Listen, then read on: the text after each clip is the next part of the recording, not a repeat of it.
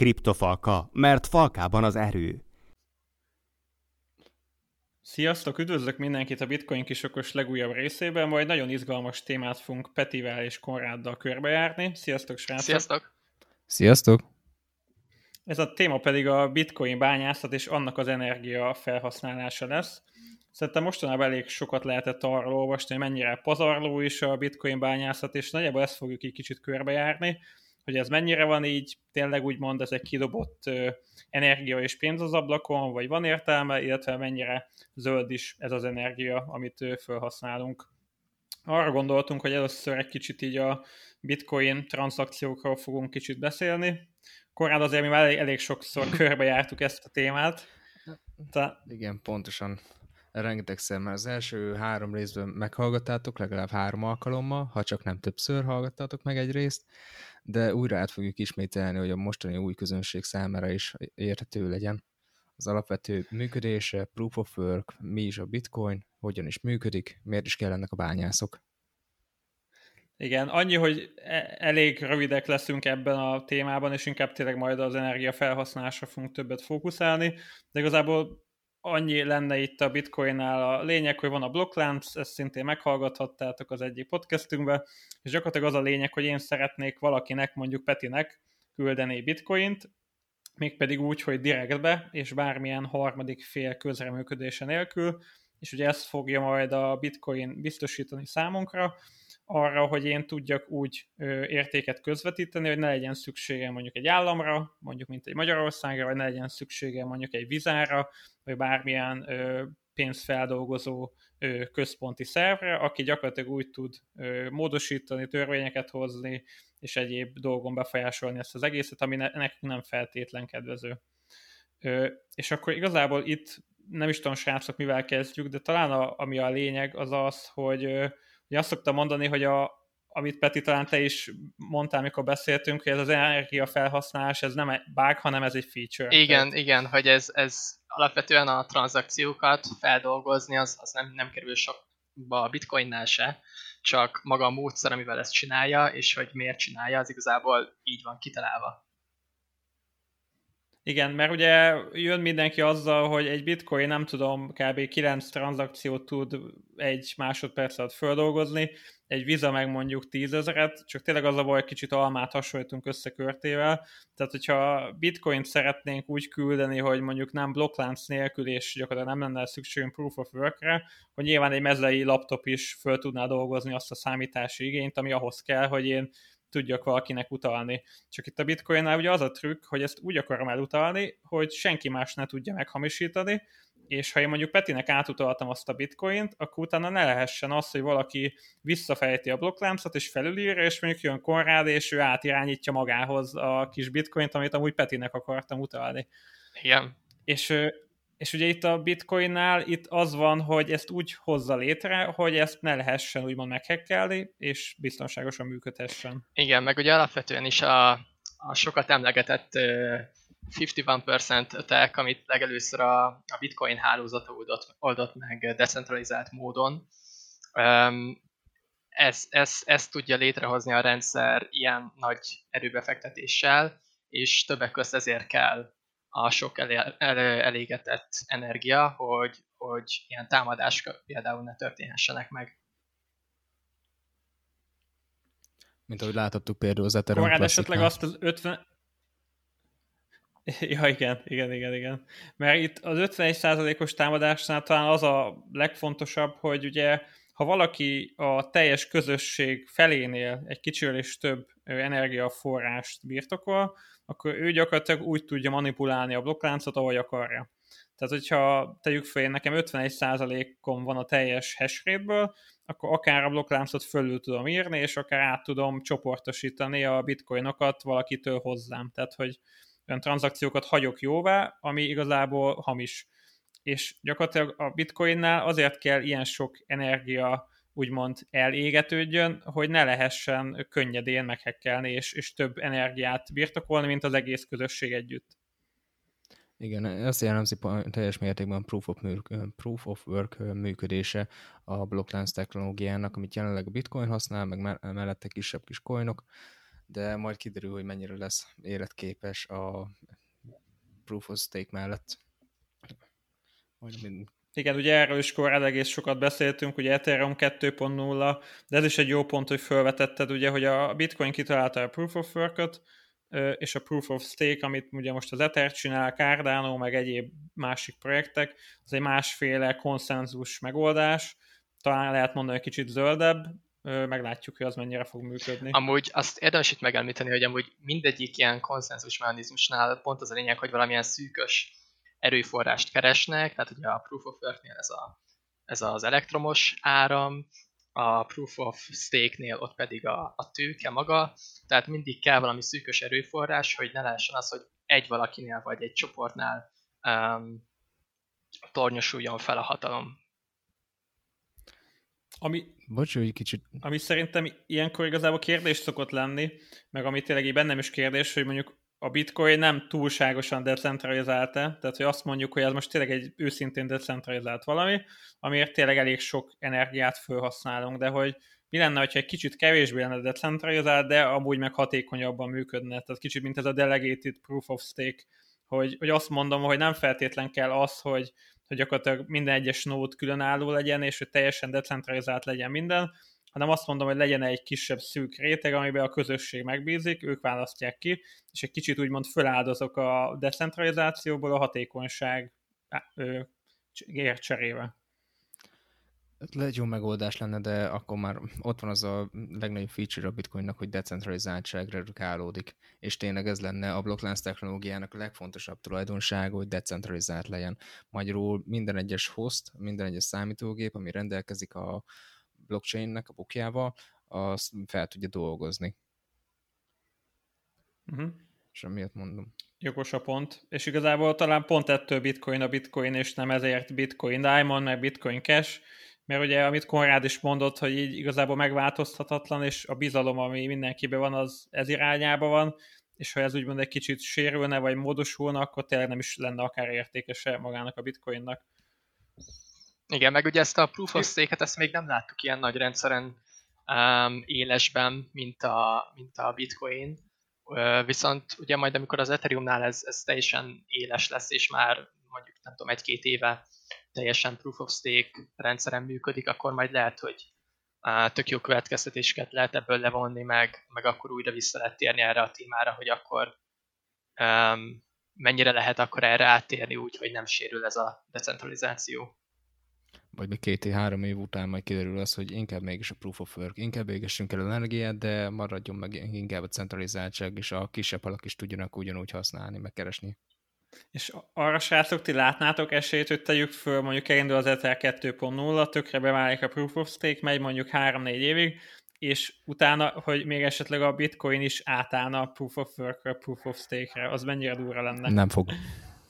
Nem, szerintem se, de ez most csak egy ilyen utópiába is fölmerült bennem, hogy az mi durva lenne. Hát Furcsa lenne. Meg járna, jó. Megint a pénzintézetek járnának, jó. Ha úgy nézzük. Hát az járna jó, akinek rengeteg bitcoinja van, tehát ismételetten a bálnák. Pontosan. Na, de szerintem kanyarodjunk is rá egy kis fölvezetés után itt az energiás fogyasztós témára. Tehát nagyon leegyszerűsítve a bitcoin bányászathoz két dolog kell, az egyik egy jó hardware, tehát egy jó számítógép, nagyon leegyszerűsítve, a másik meg az, hogy iszonyatosan olcsó áram, annál olcsóbb, amennyire csak lehet. És igazából ez a kettő dolog fogja az egész bitcoin bányászatot meghatározni. Először szerintem vesézzük ki ezt, hogy mennyire zöld, vagy mennyire nem zöld, utána meg esetleg azt még kivesészhetjük, hogy van-e értelme ezt az energiát felhasználni, vagy nincs amit szerintem tök jó itt, a, meg érdekes a bitcoin felhasználásánál, meg bányászatánál, hogy ugye ez tényleg egy full versenyszfér alapon működik, tök mindegy, hogy milyen CEO-d van, tök mindegy, hogy milyen márkával bányászol, vagy hogy te ki vagy, csak az számít, hogy olcsóbb az áramod, mint a többieké.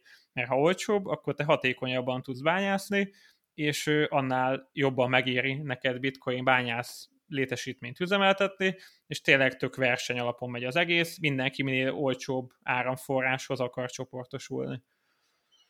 Igen, mindenki megpróbál olcsó energiaforrás felé nyúlni, emellett mindenki próbálja maximalizálni a profitját, mert hogyha úgy nézzük, akik benne vannak bányászatban, nagyobb cégek vagy nagyobb egyének, azok mindig profit maximalizálóak, mint egy jó vállalat.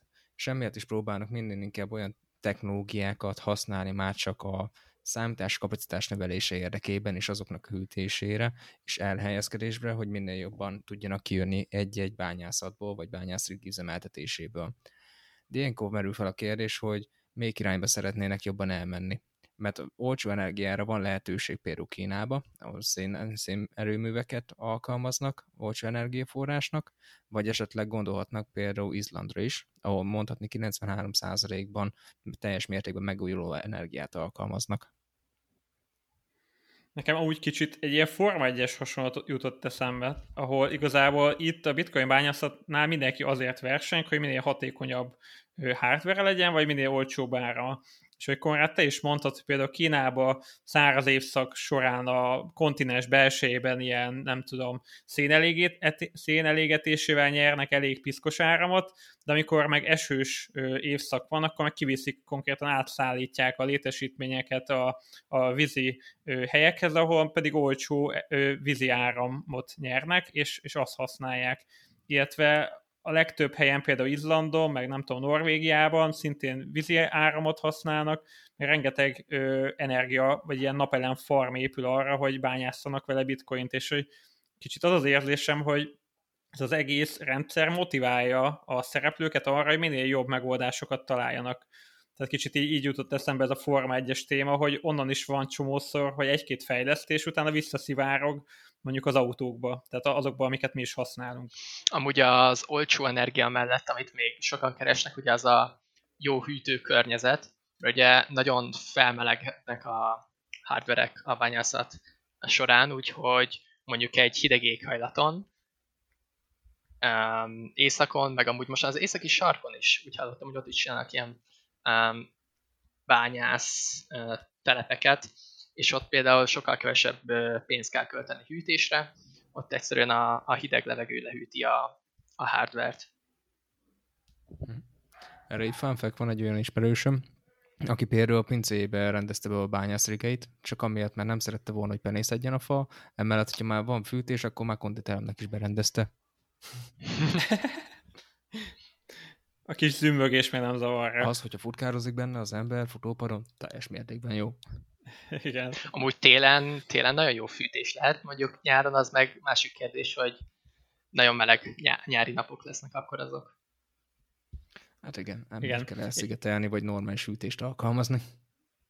És arra nektek van bármiféle adatotok, hogy mennyire is fun fact az, hogy mondjuk a bitcoin amúgy egy zöld energiának van ki, ki kommunikálva így a kriptósuk részéről? Vagy annyit tudok nagyjából, hogy a kétharmada az elvileg Kínába zajlik, ami nem feltétlen annyira zöld, de mint hogyha valamilyen egyharmada a bányászatnak, mint hogyha ilyen zöld energiából származna, ami meg nem olyan rossz, sőt. Az egy technológia szempontjából nagyon jónak számít, mert hogyha megnézzük már csak a gépkocsi gyártást, ami nálunk van, közöttünk van több mint száz éve, mostanra kezdtünk átállni, hogy elektronikus vagy elektromos kocsikat használunk, ugye? Így több mint száz év után. Modell Mondhatjuk. után. És a bitcoin meg jelen van a piacon, mert 10 éve, 13, 10 éve, durán 12. 12 éve. És már 23 százalék teljes mértékben megújuló energia, azért szerintem az teljes mértékben jó. A Cambridge-nek volt több tanulmánya is amúgy bitcoinnal kapcsolatban, és az egyikben volt arról szó, hogy a, a bitcoin bányászatra használt energia ennek 39%-a az megújuló energia, illetve egy másik ilyen szám, hogy 76%-a a bányászoknak az használ valamiféle megújuló energiát a, a bányászása során. Nyilván ez nem azt jelenti, hogy, hogy, hogy, hogy teljes mértékben, hanem hogy valamilyen, tehát hogy mondjuk kiegészíti napelemekkel a, a, a piszkos áramot, ha úgy tetszik. Igen, és ez a 40-30-40 százalék, én is nagyjából ennyit tudtam, hogy a 30 kötőjel 40, hogy azt hiszem iszonyú sok. Tehát, hogyha belegondolok abba, hogy mondjuk amit én felhasználok áram itt a lakásban, nem tudom, kütyükhez ide-oda, tehát hogyha a 40 százalék a zöld energiából lenne, azt szerintem nagyon-nagyon sok lenne. És pont ezért mondtam az elején azt, hogy ez úgymond ez egy versenyszféra, ahol ha nincs olcsó áramod, akkor úgymond lehúzhatod a rolót, és ki kell nyomnod a gépet, mert egyszerűen nem éri meg bányászni. Tehát motivál vagy, vagy arra, hogy minél olcsóbban tudjál ö, áramot szerezni. Vagy esetleg nem tudom, korrát te látod Bétán a másik végletet, hogy mi van akkor, hogyha nem olcsó áramba gondolkozok, hanem jobb, jobb hardwarebe, tehát jobb teljesítménybe. A jobb teljesítmény az amiatt jobb, mert akkor nagyobb, és ugyanúgy fogyasztás szempontjából mostani rigeket megnézzük, mostani videókártyákat, nem hozzák azokat a teljesítményeket, mint például az előzőek, egy AMD-re gondolok például, egy 5700 hozza azt a teljesítményt például, mint egy 6900, plusz mínusz 10 százalék, de én azt mondom, hogy hogyha hardware-be befektetnek, az is teljes mértékben jó megoldás lehet, amit költséget például vissza tudnak szerezni azzal, hogyha a zöld energiát alkalmaznak, és azzal redukálják az összegeket. És akkor itt tényleg a, ugyanúgy megmarad a fejlődés irány, mert technológia szempontból is fejlődnek, azaz hardware irányból, és emellett megújuló energiaforrást használnak. És ez és ez a fejlesztés, ez, ez neked a trendje, tehát hogyha egy ilyen görbét néznénk, ez még mindig olyan, mint régen, hogy nagyjából hogy duplázódott, nem is tudom, hogy van az a, a törvénye. gondolsz, a tranzisztorok a száma Igen. 18 hónaponta megduplázódik. Próbálnak vele haladni, tényleg 100 milliárd dollár értékben ölnek bele R&D-be összeget ezzel kapcsolatban. Lássuk az Intel, Nvidia, AMD-t. Még tartják a tendenciát de egyre jobban kezd már lelassulni. Igen, tehát én is úgy hallom a hangodon, hogy ez a tendencia az egy idő után lehet, hogy kicsit így lankább görbét fog eredményezni, tehát nem tudjuk végtelenségig úgymond a hardvert még csiszolni. Nem, meg a, a Moore törvény az az 1960-as években alakult ki, és azóta már Aha. elég hosszú idő eltelt, és akkor teljes mértékben még kezdők voltunk ebben az IT szférában hardware gyártásban hmm. is, amikor még abban az időszakban szobákat lehetett vele rakni, például számítógépekkel, ami például most így előtted van 60 centin, hogyha egy notebookot megnézünk. És akkor is sokat mondtál 60-nál. Igen. Amúgy itt mondtátok, a, ugye, hogy az olcsó energia, hogy, hogy a bányászok az nagyon keresik az olcsó energiát, és szintén van egy, van egy grafikonon, ami, ami azt ábrázolja, hogy kezdetben ezek a megújuló energiák, ezek nagyon drágák voltak. Tehát amikor 2010-ben um, elkezdődött a, mondjuk a napenergiának a széleskörű adaptációja, akkor még nagyon drága volt, tehát hogy e, egységre lebontva a, gáznál is, a nukleáris energiánál is, a szélenergiánál is drágább volt, viszont olyan gyorsan fejlődött, hogy, hogy mára elértünk oda, hogy a napenergia, illetve a szél, szélenergia, az már sokkal hatékonyabb, mint például a, a szén vagy a nukleáris energia. Nyilván ez egy átlag, és lehet, hogy nem minden országban érhető ez el, de ezáltal azt látjuk, hogy hosszú távon, mivel ezek a megújuló energia források egyre olcsóbbak lesznek, megéri majd átállni ezekre az energiaforrásokra, és akkor talán ez kevesebb aggodalmat okoz, hogy, hogy piszkos szenet használnak, vagy piszkos energiát használnak a bányászok. De ez meg szerintem akkor kb. azt mondja, hogy ez a 40 százalék, ami most jelenleg van, az inkább még fölfele fog menni. Hogyha egyszer jobban megéri majd, nem tudom, szélerőművet telepíteni, mint szénből, előállítani az áramot, tehát hogy igazából ez még azt fogja eredményezni, esetleg még a mostaninál is, ami elég zöld, még zöldebb lesz itt a bányászat, pont ez a verseny miatt. É, szerintem amúgy én bízok ebben.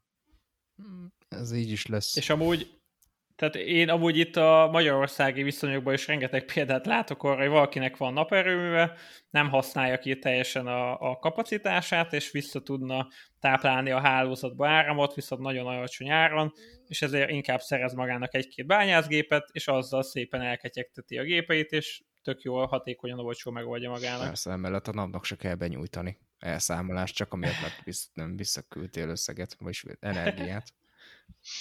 Amúgy a, egyre több országban lesz szerintem lehetőség eh, elérni megújuló energiát, mert ugye most az EU, EU is kitűzte, meg amúgy Kína is mm, mondott dolgokat, USA is mondott uh, dolgokat, hogy uh, próbálják csökkenteni a széndiokszid kibocsátást 2030-ra is, aztán végül 2050 azt hiszem ez a um, nettó nulla széndiokszid kibocsátás um, elérésének a, az időpontja.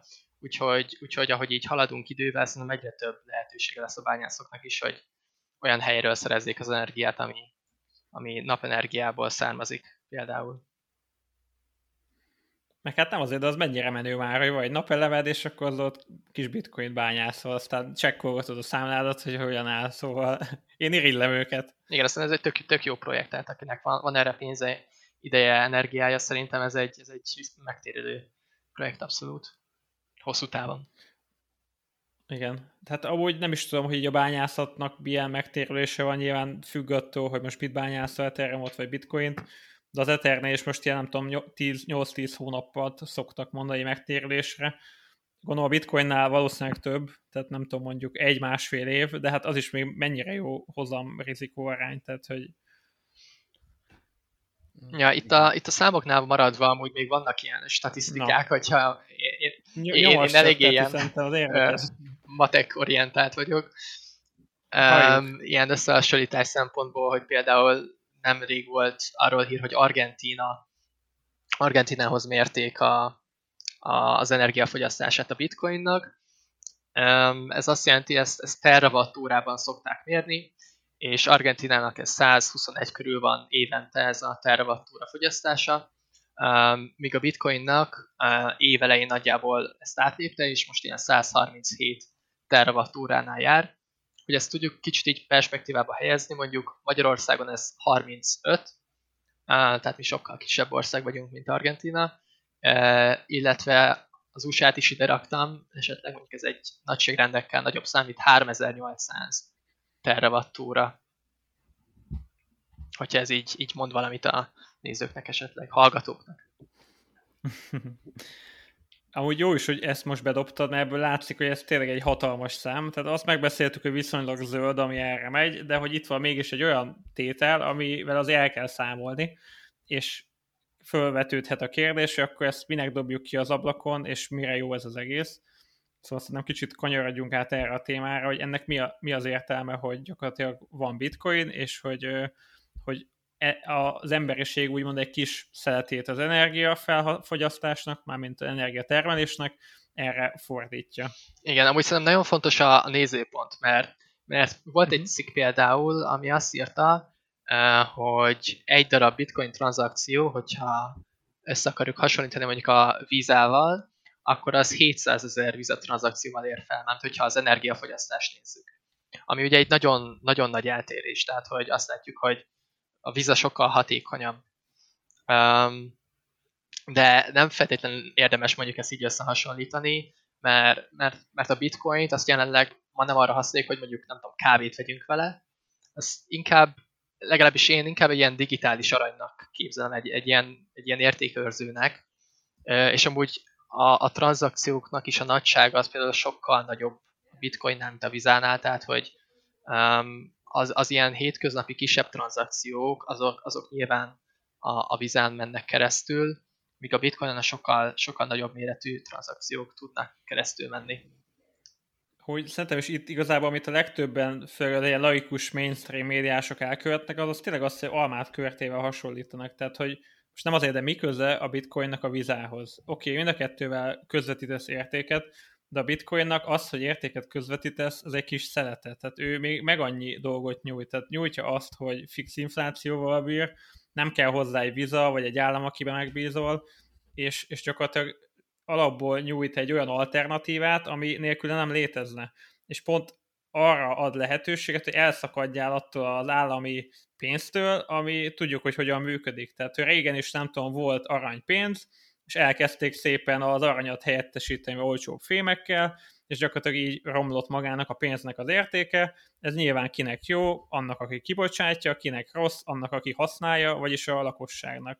Ugye ez most sincs máshogy, tehát hogy most is rengeteg pénzt öntenek ö, a gazdaságokba, amivel megint az jár rosszul, akinek van tőkéje, és azt nem használja föl, nem cseréli be úgymond vagyontárgyakra, meg szolgáltatásokra.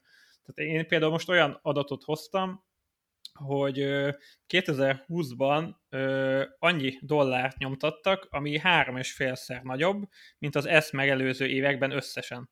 Tehát, hogy látszik, hogy gyakorlatilag van egy központi szerv, ami mondjuk egy állam, és ő eldönti, hogy tényleg mit csinál azzal a fizetőeszközzel, amit mindenki használ. És nyilván ő úgy fogja ezt eldönteni, ahogy egy államnak jó, és az nem feltétlen mindig jó, úgymond azoknak, akik használják, és, és a bitcoin meg pont arra egy, ad egy alternatívát, ami már önmagában érték, hogy te ebből ki tudsz lépni, és tudsz olyat használni, ami ettől tök független. Igen, amúgy, amúgy ez tényleg nagyon fontos, és ezt nem, nem győzöm hangsúlyozni, hogy nézőpont kérdése, mert hogyha mondjuk azt nézzük, hogy, hogy miért csinálja a pénznyomtatást az állam, ugye jelenleg ebbe, ebbe a gazdaság, gazdaság serkentése van, az, hogy elinfláljuk a sok adósságot, és tehát hogyha például ilyen mindennapi fizetőeszközről van szó, ne kövezetek meg, én még mindig a, a dollárnál gondolkodok, mert, mert olyan szempontból az jobb. Viszont, hogyha ha azt mondjuk, hogy értékmegőrzésre szeretnék valamit használni, amire tényleg tudom, hogy, hogy már a 90% a forgalomban van, és az elkövetkezendő 50% évben jön ki a maradék 10%, akkor meg azt mondom, hogy hát akkor lehet, hogy pénzemet bitcoinba fektetem, mert, mert abból nem lesz az, hogy elöntik temérdek mennyiségű bitcoinnal a piacot. De ugye megint csak itt a, itt a, itt a cél, hogy mire, mire szeretném használni a bitcoin, mire szeretném használni a dollár, szerintem ez a, ez a fontos kérdés. Hát igen, tehát én is úgy az egyetértek, hogy inkább egy ilyen értékmegőrző szerepe van már így manapság a bitcoinnak, amivel az inflációt tudod kibekkelni.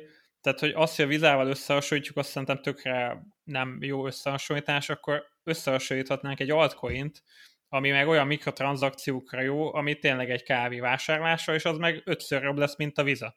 Tehát, hogy, hogy akkor a hasonlítás alapja az olyan legyen, ami ennek kéne és szerintem, hogyha meg azt nézzük, hogy mondjuk az aranybányászata, az aranynak az olvasztása, meg ez, meg az mennyi áramot fogyaszt, akkor most sajnos nincs előttem maga ez a számadat, de azt látnánk, hogy a bitcoin annyira nem kerül úgymond sokba. Ha például ezzel hasonlítanánk össze. Meg ami így bennem fölmerül, ugye az, hogy minden ország föntart egy saját pénzeszközt. És ugye vannak pénzváltók, akik igazából semmire nem jók, csak azért, mert van egy ilyen tök elszart pénzügyi rendszerünk, nem tudom, Magyarországon is van több ezer pénzváltó, és ide-oda váltogatjuk a kis pénzeket. Tehát, hogyha azt néznénk, hogy ezek összesen mennyi energiát fogyasztanak, mennyi energiát fogyaszt az, hogy az államok pénzt nyomtatnak, aranyt olvasztanak, akkor lehet, hogy kijönne az, hogy amúgy a bitcoin ötször hatékonyabb mindennél, csak nyilván a bitcoinnak a szükségletét tök könnyen ki tudod számolni, ezeket meg elég nehezen tudnád így összeadogatni. Igen, a, azt is olvastam, hogy ugye a, a, a, a, amikor összehasonlítjuk a vizát a bitcoinnal, ez nagyon megmaradt bennem, azért hozom mindig fel.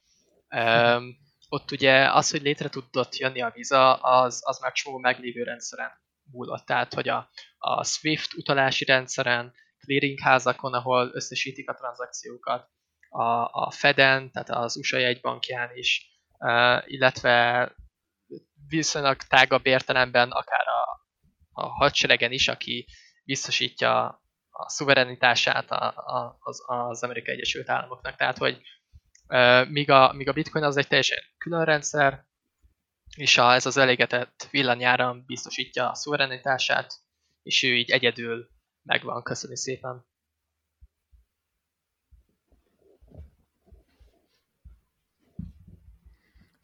Meg amit itt még esetleg érdekes lehetne, ugye, hogy ugye a bitcoin pont nem jó az ilyen mikrotranszakciókra, tehát hogy az, amikor egy tranzakció átmegy kísértékbe, arra úgymond tök szar, de arra, hogy mondjuk átutalsz 500 millió dollárt, nem tudom, néhány dollár költsége, arra viszont tök jó. Tehát, hogy azt is megnézhetnénk, hogy akkor nem tudom, ha mondjuk 500 millió dollárt szeretnék Kínába, Kínából mondjuk Amerikába küldeni egy hétvégei napon, akkor azt a vizával hogyan tudod megtenni, és mennyiért? Hát igen, ott számolni kell általában az egy másfél százalékkal, meg zártfutási idővel, mi kriptovalutánál vagy bitcoinnál megtörténik tényleg pár dollár értékben, csak itt tényleg itt a viszonyítási érték az, ami szignifikáns, hogy melyik irányból nézzük. De ugye még mindig azt mondom, hogy teljes mértékben a kiszámíthatóság, ami leginkább támogatást tud nyújtani a bitcoin mellett, mert ugye, ahogy már korábban hallottátok az epizódjainkban, meg volt külön erre szentelve egy epizódunk a bitcoin felezésre, ami azt jelenti, hogy a bányászok négy évente fel akkor a bitcoin jutalmat kapnak a bányászok, mint a korábbiak folyamán, ezzel is segítik a automatikus inflálódását, hogy minden jobban fel tudjon értékelődni az árfolyama a bitcoinnak, és ez valamennyire a kiszámíthatóságot megadja ennek a kriptovalutának. Igen, bele van, bele van kódolva a, bitcoin rendszerébe, és ugye ezt e, ezzel szokták reklámozni, hogy ezt bárki ugye megnézheti, ellenőrizheti. Nyilván mondjuk csak azt tudja ellenőrizni, aki ért hozzá, de ez amúgy tényleg ott van, mert, mert, mert már nagyon sokan, akik értenek hozzá, megnézték. Um, és egy ilyen, egy ilyen rendszert még nem építettek ki, amikor, nem hogy a jegybankok ilyen rendszert még nem építettek ki, ami, ami valamilyen féket helyezne esetleg a, a, a rendszerbe, ami, ami azt mondja, hogy oké, okay, akkor most már több pénz nem jöhet forgalomba, um, és, az, és az teljesen ki van téve, mert a jegybankok teljesen ki vannak téve az emberi viselkedésre, úgyhogy az, az sokkal inkább kiszámíthatatlanabb.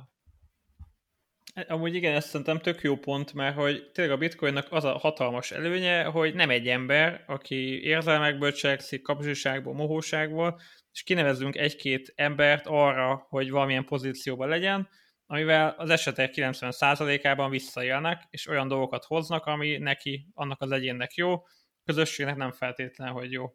És ugye azzal, hogy mi az ő általuk szabályozott, fenntartott és elkészített pénzt használjuk, mert ki vagyunk téve nekik, ezeknek a kis csoportoknak a, a cselekedeteinek. És a Bitcoin meg tényleg arra tök jó, hogy meg tudod nézni, ha tetszik, utána nézel, elolvasod, hogy hogy működik, és eldöntöd, hogy használod, vagy nem használod. Tehát, hogy ad egy olyan alternatívát, ami amúgy nélkül nem is létezne. Amúgy, hogy legyen ilyen, ilyen jó zsarú, rossz zsarú, én azt még amúgy e, hozzáteszem, hogy például a Bitcoinnál ugye ott, ott nem tudsz monetáris politikát folytatni. Tehát a, mondjuk a jelenlegi um, gazdasági helyzetben. Um, az USA ugye um, tudott pénzt teremteni, és ezáltal mondjuk helikopterpénzt osztani a, az embereknek, azoknak, akik elvesztették a munkájukat, um, és akiknek már nem volt, nem volt pénze, mert már, mert már felélte a megtakarításait, és, és, és így kevesebb a, a munka, vagy uh, alacsonyabb a munkanélküliség, tehát, hogyha például az árfolyamot szeretnél szabályozni, akkor ugye azt is a kamat láb változtatásával azt ugye meg tudja tenni. Bár most ez is egy másik kérdés, hogy most nullán van, és innen nem nagyon tudja már mozgatni, de ez egy másik, másik beszélgetés része. De ugye ez azért a monetáris politika az tényleg egy fontos része egy, egy, egy, egy bank életében. Nyilván azt is lehet jól meg rosszul csinálni, ez nem kérdés, de a bitcoinnál ugye ez, ez nem merül fel, ott, ott, ott, ott minden, minden kőbe van úgymond vésve. Ha csak nincsen egy hard fork. Hú, az mondjuk durva lenne, lenne egy olyan bitcoin hard fork, ami mond sikeres lenne. Igen, az, az, az eléggé, az elég, nem, nem tudom, hogy egyáltalán össze lehet, tehát hogy ahhoz, hogy egy ilyen, ilyen nagy fork létre tudjon jönni, ahhoz, ahhoz a bányászoknak együtt kell működniük, és, és nem Persze. is tudom, hogy, hogy hogyan lehetne ennyi embert összeszervezni. De mondjuk, igen, ez egy, ez egy elég jó kérdés, hogy meg tudna egyáltalán történni egy ilyen. Hát amúgy a Bitcoin Cash hardfork után szerintem volt egy-két hónap, amikor még így nem volt azért tisztázva, hogy akkor most tényleg így a közösség azért kitart-e az eredeti bitcoin kor mellett, vagy, vagy esetleg így nem tudom, így napraforgó lesz, és bitcoin cash-re néz inkább. Hát ja, csak, De most csak az akkor még sokkal kisebb most... volt a, a bocs, hogy ezt advágtam, csak akkor még sokkal kisebb Semmi. volt a, a bitcoin hálózata, most már, most már sokkal több embernek kéne szerendeznie, gondolom én. Igen, meg ugye minél, tehát az van, hogy igazából minél több energiát felhasználunk bitcoin bányászatára, az annál nagyobb hash bír, és annál biztonságosabb. Tehát pont az van, amit a Konrád mondott az az 51%-os támadás, hogy minél többen bányásszák, annál nehezebb őt úgymond manipulálni. Így van, mert azért a, az tényleg hatalmas nagy energia kéne az 51% birtoklásából, hogyha megnézzük a mostani hash de emellett meg amúgy azt is fontos megemlíteni, hogy a Bitcoin rendelkezik difficulty-val, ami pedig azt jelenti, hogy egyre nehezebbé teszi, hogyha emelkedik a hash rate, akkor egyre nehezebb uh-huh. hash számításokat kell megoldaniuk a bányászoknak, és ezzel is jobban motiválja őket versenyre, hogy technológia szempontjából is tudjanak ugyanúgy fejlődni, hogy minél nagyobb eh, hash értéket tudjanak hozzáadni a bányászathoz, meg alapvetően az egész ökoszisztémához. Semmiért. És és ebbe tudod mi a durva? Hogy tegyük fel, mondjuk én vagyok a rossz, nem tudom, főszereplő az egyik mesébe, ahol mondjuk a bitcoinra szól minden, és kitalálom, hogy én a bitcoint el akarom lehetetleníteni. Akkor mit, mit csinálok? ezt is szerzek nagyon sok áramot, meg nagyon sok gépet. Tehát alapból lesz egy hatalmas beruházási költségem, amiből megpróbálok annyi gépet venni, ami több, mint a jelenlegi bitcoin bányászoknak összesen, ami van. Tehát egy olyan tételt be fog ruházni, ami kúra sok pénzt jelent, és nekiállok úgymond 51%-kal megtámadni a bitcoint, megtámadom a bitcoint, és tegyük föl, sikerül mondjuk megváltoztatnom a blokklánc kódját úgy, hogy felülírok mondjuk tranzakciókat, akkor igazából mit nyertem? Tehát beruháztam rengeteg pénzt gépbe, és a bitcoin kódját ellehetetlenítem, ami után az értéke valószínűleg alig fog érni valamit, és ezzel úgymond mit nyerek? Tehát, hogy úgymond kidobok rengeteg pénzt, meg energiát az ablakon, és nem nyerek vele semmit. Hát inkább azt, hogy tönkreteszed a bitcoin meg Satoshi Nakamoto-nak az államművét, hogyha abból a tekintetből nézzük. De amúgy én még azt mondanám, hogyha nagyon koros ember akarsz lenni, akkor inkább zombi gépeket szere, próbálj meg beszerezni, egy vírus próbálj meg elterjeszteni. Például, ahogy hallottátok a korábbiakban, hogyha például torrenteken töltöttél le bizonyos játékokat, videókat, akkor szoftverek tudtak bányászni a ti gépeteken, és egy ilyen zombi hálózattal amúgy meg lehetne azt csinálni az 51%-os támadás, csak szerencsére a bányászrilket csak arra használják fel, hogy csak bányászanak, és nem böngésznek rajta, és ezzel valamennyire el van lehetet, lehel, lehetetlenítve ez, hogy meg tudják őket fertőzni ezzel. És hogyha tegyük fel lenne egy ilyen támadás, és utána a közösség úgy dönt, hogy oké, okay, akkor ugorjunk vissza néhány blokkot, és innentől folytatódik minden tovább, úgyhogy ez a támadás nem is volt. És akkor kb. egy Ethereum klasszikról beszélünk, tehát hogy hogy mond, hogyha a közösség utána egyöntetően dönt valamiről, akkor megint az van, hogy igazából nem nagyon volt semmit. értelme az egésznek.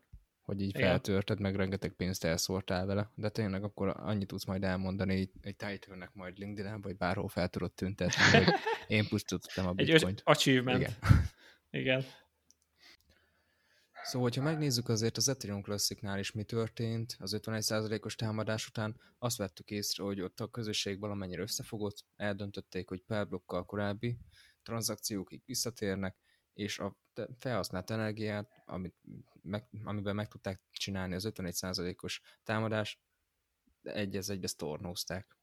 Nem történt semmi negatív hatása, kicsit az árfolyam megingott akkoriban, persze, egy ilyen támadás azért eléggé meg tudja érinteni ezeket a kriptovalutákat, de azóta mondhatni már stabilan tartja az árfolyamát is, és ugyanúgy megvan a bizalom a fejlesztők és a minerek között. Hát igen, igazából egy ilyen támadásnál tényleg egyedül a bizalom, ami meg tud inogni, és az meg nyilván az árfolyamat befolyásolja, mert tegyük fel lenne valami hasonló, akkor nyilván csóan elgondolkozzanak azon, hogy oké, inkább hagyom ezt a francba, és inkább nem tudom, legyen egy fix dollárom.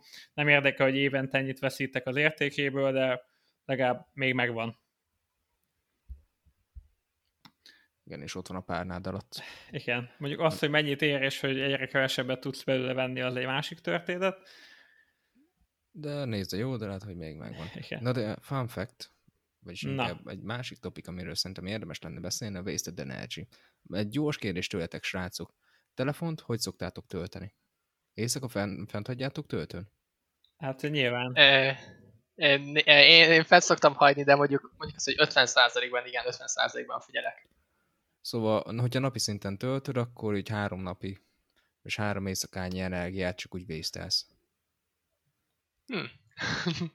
Jó tudni. És aztán valahol pont azt olvastam, vagy hallottam, az ilyen bekapcsolva hagyott kütyük, amiket igazából nem nyomsz ki, nem nyomod ki a monitort, nem veszed le a töltőről a telódat, azok igazából kétszer több energiát elpazarolnak, mint mondjuk a bitcoin hálózata, vagy mint mondjuk Argentina.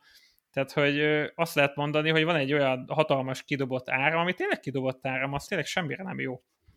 És hogy, és hogy tényleg azt, azt azért így, így célszerű látni, hogy nem ez az egyetlen olyan dolog, ami energiát fogyaszt, ott vannak a mobiljaink is, nem tudom hány milliárd mobil lehet a világon, ha összeadnánk, hogy azok összeszoroznánk, hogy azok mennyi áramot használnak, nem tudom, mekkora szám jön neki, de biztos, hogy elég nagy. Igen, és azt azért folyamatosan használjuk, napi szinten töltjük általában, vagy esetleg két napi szinten, hogy fent hagyjuk, akkor is elvészteljük ezt az energiát, nem használjuk ki teljes mértékben. És ilyenkor jön szóba, hogy fel lehetne használni ezeket az energiákat is például, például bányásztrikik üzemeltetésére.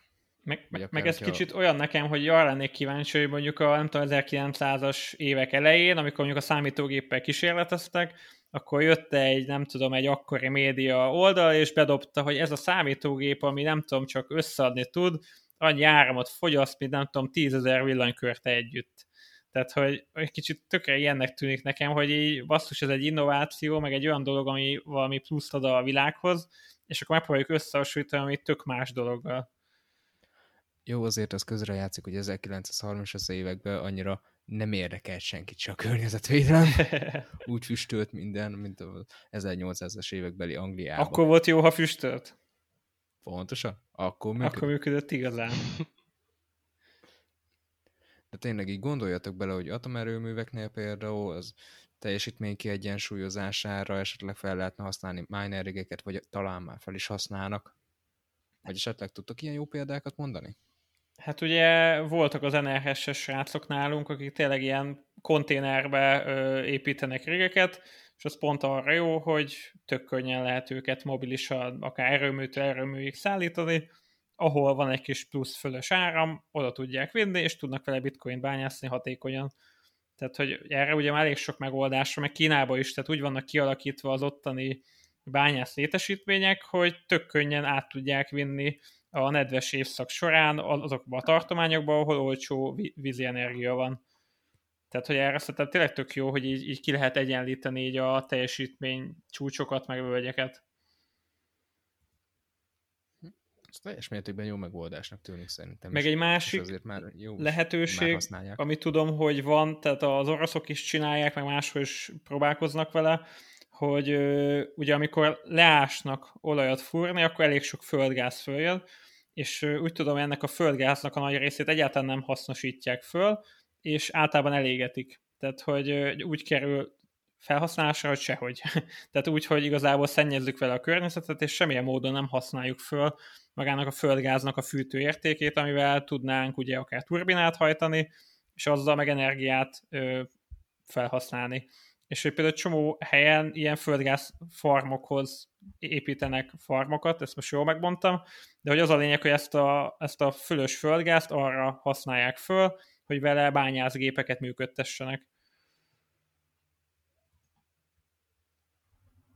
Tehát így igazából van egy-két olyan felhasználás is, ahol pont ezt az ilyen kárba menő energiát tudjuk egy kicsit így meglovagolni a bányászattal. És hogy bele számoljuk a statisztikában, még ez is növelné az értékét, hogy mennyire zöld is a bitcoin. Hiába sárga, arany. Igen. Szerintem egy nagyját így elég jól összeszedtük bennetek. Még maradt esetleg valami, ami... Um, én, én már csak számokat tudnék mondani, mert abból, abból végtelen mennyiségű van. Na, Peti, dob be a végére egy utolsó számot. Egy, egy utolsó, igen. egy utolsó számot. Hogyha globális szinten nézzük, hogy mennyi energiát termelünk, akkor ennek az energiának a fél százalékát használja a bitcoin jelenleg. Ez a, ez a, ez a statisztika, ezt, ezt mérték fel. Amit azért tudni kell, ezt, ezt is a Cambridge csinálta, igen. Um, viszont azt tudni kell, hogy ezek, ezek azért um, olyan számok, amiket becsült a, becsültek modellel, úgyhogy ilyen 10-20 százalékos eltérések elképzelhetőek benne, de, de egy, egy, egy erős tipre, uh-huh. nagyságrendre jót mond, igen. Oké, okay, viszont akkor kb. A, a teljes áramnak az egy százalékát kidobjuk azokra a kütyükre, amikről beszéltünk. Tehát, hogyha azt nézem, úgy az a fél százalék még mindig szerintem már önmagában azért megér annyit, hogy legyen egy alternatíva, amit el tudod dönteni, hogy ha, vagy használod, vagy nem. Igen, igen, úgy lesz ez a helyzet. Én megadom neki a fél százalékot. Támogatom. Na jó van, srácok, köszönjük, hogy itt voltatok. Szerintem elég jól összeszedtük, meg ö, tényleg elég jó számok is voltak. Köszönjük, Peti, hogy hoztad ezeket nekünk. Máskor is. Köszi szépen. Aztán a hallgatók mennek meg tényleg annyi, hogy hallgassátok a Bitcoin kisokos podcastjét, ajánljatok minket, vagy esetleg lájkoljatok, illetve a honlapunkon találtok ugye cikkeket, ha pedig kereskedni szeretnétek, akkor nyugodtan csatlakozzatok a privát kereskedő csoportunkba is, erre igazából a honlapunkon ö, találtok több információt. Aztán, ha pedig szeretnétek újabb podcast témát ajánlani, akkor nyugodtan írjatok nekünk, aztán a srácokkal átgondoljuk, hogy melyikről, miről, mikor tudnánk beszélni, és akkor hasonló módon tudjátok majd meghallgatni. Mindenkinek szép napot kívánok, és nektek srácok, köszönjük, hogy itt voltatok. Sziasztok! Köszi, sziasztok! Köszi, sziasztok!